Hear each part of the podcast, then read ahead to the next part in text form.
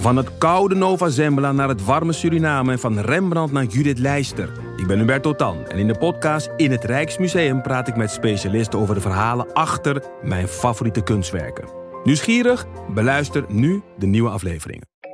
Ik ben Jacqueline en in de podcast Lust praat ik over relaties, intimiteit en alles wat met lust te maken heeft met ervaringsdeskundigen en experts. Of je nu in een relatie zit, single bent of iets daartussenin, Lust is de podcast voor jou. Overal te beluisteren, dus ook in jouw favoriete podcast-app.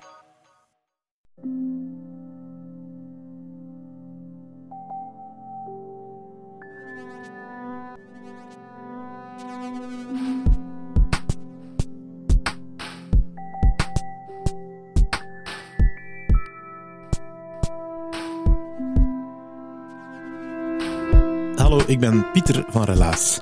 In Relaas hoor je waar gebeurde verhalen en die worden altijd verteld door de mensen die ze zelf hebben meegemaakt.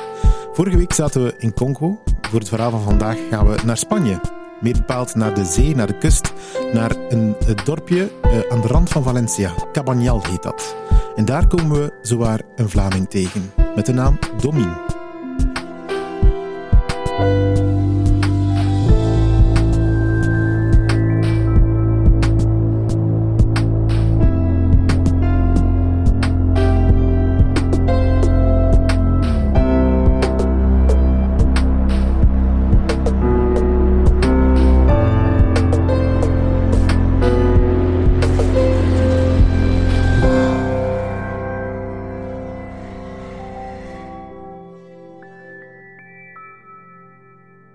Het is ergens eind 2011, begin 2012.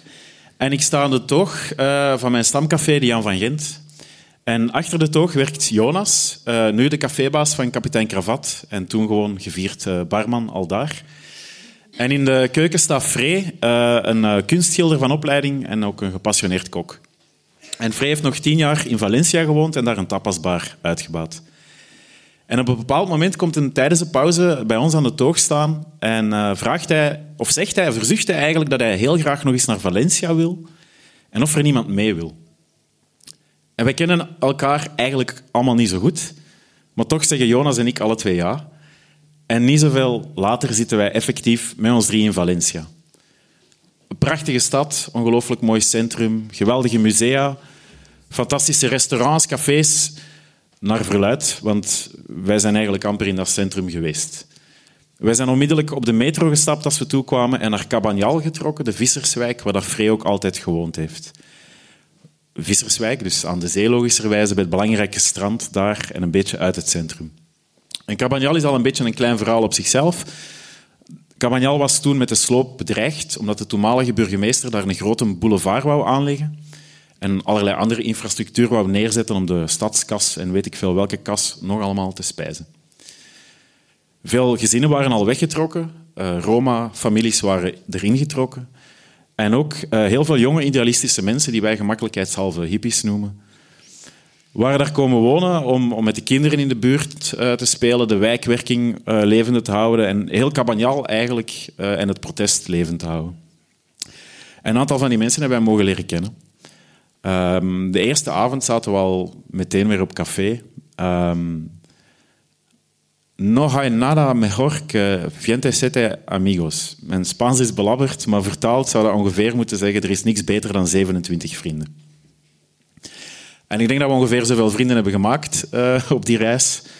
Um, wij hadden ons vakantiegeld uh, mee, goesting om te feesten en shotjes waren aan 1 euro het stuk. Chupitos, dus wij zijn daar lustig beginnen feesten, uitdelen, dansen. Um, we werden al gauw Los Belgas Locos genoemd, of Las Belgas, om het helemaal juist te zeggen.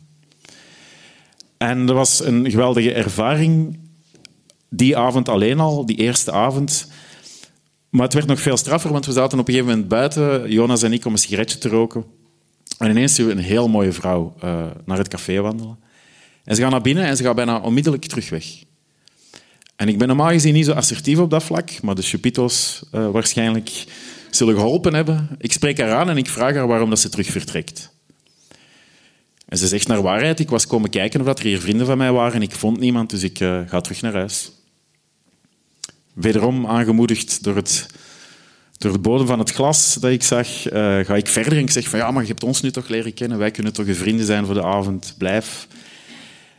En ze bekijkt ons even en ze zegt van oké, maar ik ga mijn zus en mijn hond gaan halen. En ze is effectief weg. En Jonas en ik staan een beetje verbouwereerd naar elkaar te kijken. Van, heeft hij ons nu met een of ander kluitje in het riet gestuurd?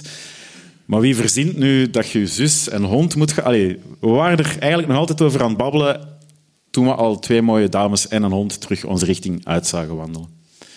De hond mocht er trouwens ook wezen.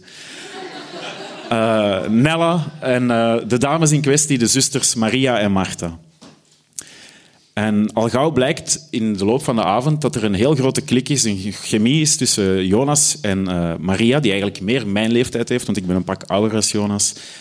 En ik vond die Marta wel een toffe, maar ik ben daar niet zo snel in. De avond gaf voort. Op een gegeven moment belanden we met nog een, een, een bende uit het café in het huis van de zusters. Frey vertrekt op een gegeven moment, Dine vertrekt. Dine...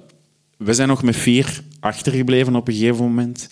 En Jonas vertrekt met Maria naar de slaapkamer. En heel de avond al, want we konden perfect in het Nederlands natuurlijk met elkaar praten, zei ik tegen Jonas van, ik vind die Marta echt tof, maar ze is zo jong en ik, ik ben hier maar een week en ik ben niet zo van avontuurtjes en dit en dat. En Jonas zei mij heel de avond, denk niet zoveel na. Denk niet zoveel na. Maar ik was wel aan het nadenken. En terwijl Jonas en, en, en Maria vertrokken waren, was Nella in slaap gevallen, maar Marta ook. Dus ik zat daar met mijn gedachten. En die dame waar ik een oogje op had, maar die sliep. En ik was mij al gereed aan het maken om te vertrekken, in de hoop dat ik ons kamer ging vinden. Ver was het niet, maar... Tot ik ineens besefte wat Jonas mij altijd aan het zeggen was geweest. En ik dacht van... Oké, ik ga even niet meer nadenken. En dat gaat heel fout klinken nu. Maar ik ben bovenop Marta gaan zitten. En ik heb haar heel voorzichtig wakker gemaakt. En als ze wakker werd, keek ze mij even onbegrijpend aan. En ik zei van ja, everybody's gone. I can stay or I can go. En ze heeft mij dan gevraagd van te blijven. En de volgende ochtend werden Jonas en ik dus alle twee in een van de zusjes in slaapkamer wakker. En de dag daarop bleek al heel snel dat Frey ruzie had gekregen met de verdien waar hij logeerde. Dus is Frey eigenlijk in onze goedkope kamer ingetrokken en zijn wij gewoon bij de zussen blijven logeren. En um, ja, dat was er een zoete inval. Uh, al hun vrienden die langskwamen, couchsurfers die passeerden, de kinderen van de wijk die altijd probeerden binnen te geraken, want ze waren heel betrokken met de kinderwerking. Um, ja, geweldig kleurrijke stoet die daar passeerde eigenlijk heel de tijd. Maar mijn verhaal gaat eigenlijk over de tweede keer dat we zijn geweest. Want het afscheid kwam veel te snel. Niemand van ons voelde zich daar echt goed bij. Dus al heel snel hebben Jonas en ik beslist, want Frey kon helaas niet nog eens opnieuw meegaan op dat moment, om terug te keren. We hebben wel een derde, derde musketier gevonden, de Lucas, die ook nog in Jan van Gent had gewerkt, uh, is dan ook mee geweest. En uh, ja, het begon in mineur voor mij, want de eerste avond was Marta er niet. En ik had er toch stiekem wel naar uitgekeken om haar terug te zien. En de tweede dag kwam ze toe, maar had ze gelijk een bij ze. Ja, ik weet het. En ik wist op voorhand van ik mag mij niet te veel illusies, uh, ik mag niet te veel illusies koesteren. Ze woont zoveel verder, ze is, is, veel jonger, het was maar een vakantieliefde, maar dat deed mij wel iets als ik zag dat er iemand bij haar was. En dan moest ik toegeven wat ik een beetje stoer probeerde te verstoppen tegenover de rest, van oké, ja, die vrouw doet mij wel iets. Maar in een relatie dus, ik hou afstand. En ik ben eigenlijk heel de reis dan nog afstand blijven houden tot de laatste avond, nee, de voorlaatste avond ongeveer. Uh, op een huwelijksfeest waren we toen. En dan moet ik misschien even uitleggen hoe we op een trouw zijn beland. Um, dat waren vrienden van de zussen en ze hadden ons al gezegd van ja, jullie zijn welkom op die trouw. We dachten, ja, tof, nog een extra feestje. En s ochtends komen ze ons kamer binnengewandeld en ze, en, en ze zijn ons kleren aan het verzamelen en hun kleren daar aan het leggen. En ze vertellen ons dat we moeten ons klaarmaken voor de trouw. En oh ja, het is crossdressing. Ja, jij bent mij nu al in een kleedje aan het voorstellen. Um, Alle mannen moesten als vrouw verkleed gaan of gekleed gaan en omgekeerd alle vrouwen als man. Wij dachten eerst, ze proberen ons iets wijs te maken, maar het bleek effectief zo te zijn.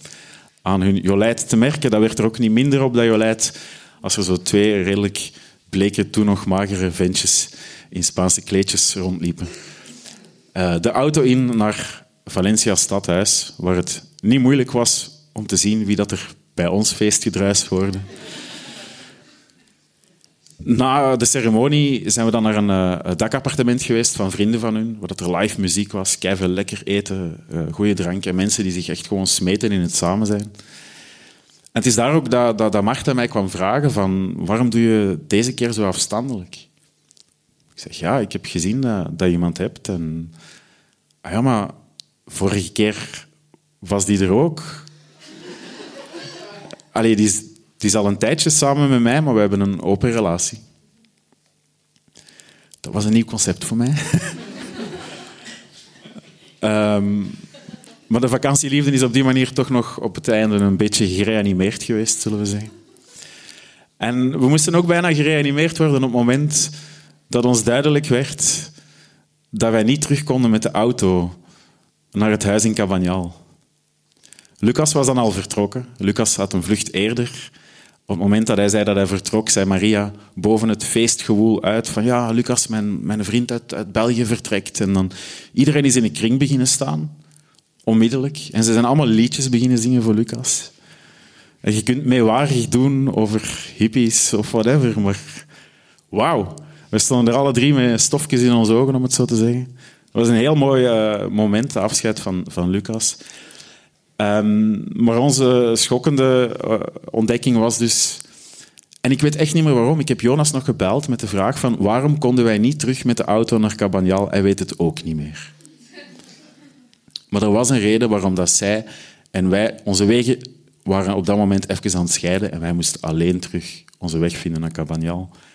Maar we hadden geen andere kledij bij.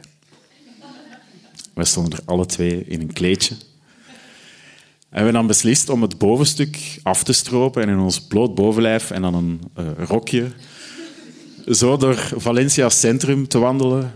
Vurig hopende dat die kennissen van uw ex, waar je van weet dat ze ook op dat moment in Valencia zijn, u dan niet gaan tegenkomen. Um, maar ook een beetje trots van, kijk, wij, wij, wij vertegenwoordigen Cabagnal, het meer rebelse wijkje aan de zee.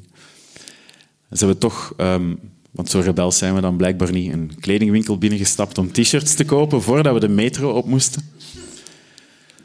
We moesten dan natuurlijk uitleggen aan de verkopers waarom we uh, zo gekleed gingen. Nadat die uitgelachen waren, konden we dan een t-shirt kiezen. Vroeg één verkoopster serieus van, moet ik het inpakken? Nee, dank u. En zo zijn we dan toch nog uh, met, een t-shirt aan uh, terug in, in, in, in beland. Um, waar we niet veel later dan onvermijdelijk weer het afscheid moest volgen. Nu was zelfs de cafébaas erbij om te zeggen dat we indruk hadden gemaakt um, op de locals daar, om ons uh, uit te zwaaien. En ja, dat waren heel intense momenten. Uh, Maria heb ik gezien zit nu in India, na omzwervingen in, in, in Afrika. Marta woont in Noorwegen en, en, en heeft, heeft een zoontje. We hebben eigenlijk geen enkel contact niet meer, maar het doet mij plezier om te zien dat ze vrij gelukkig is. Um, Nella de hond is gestorven. Net als Martial, de oude man die we op café hadden leren kennen. Daar zijn we nog mee op het strand beland, op een vissersboot gaan zitten. Hij heeft dan gitaar gespeeld, gezongen. We hebben dan nog naakt gezwommen. Het een geweldige ervaring, want ik ben minder vrijgevochten als mijn haar doet uitschijnen. En elke keer als, als, als uh, Frey, Lucas, Jonas en ik elkaar zien op café, dan kan u ons horen zeggen Cabanilleros. En moest u dat ooit horen, dan weet u nu ook waarom.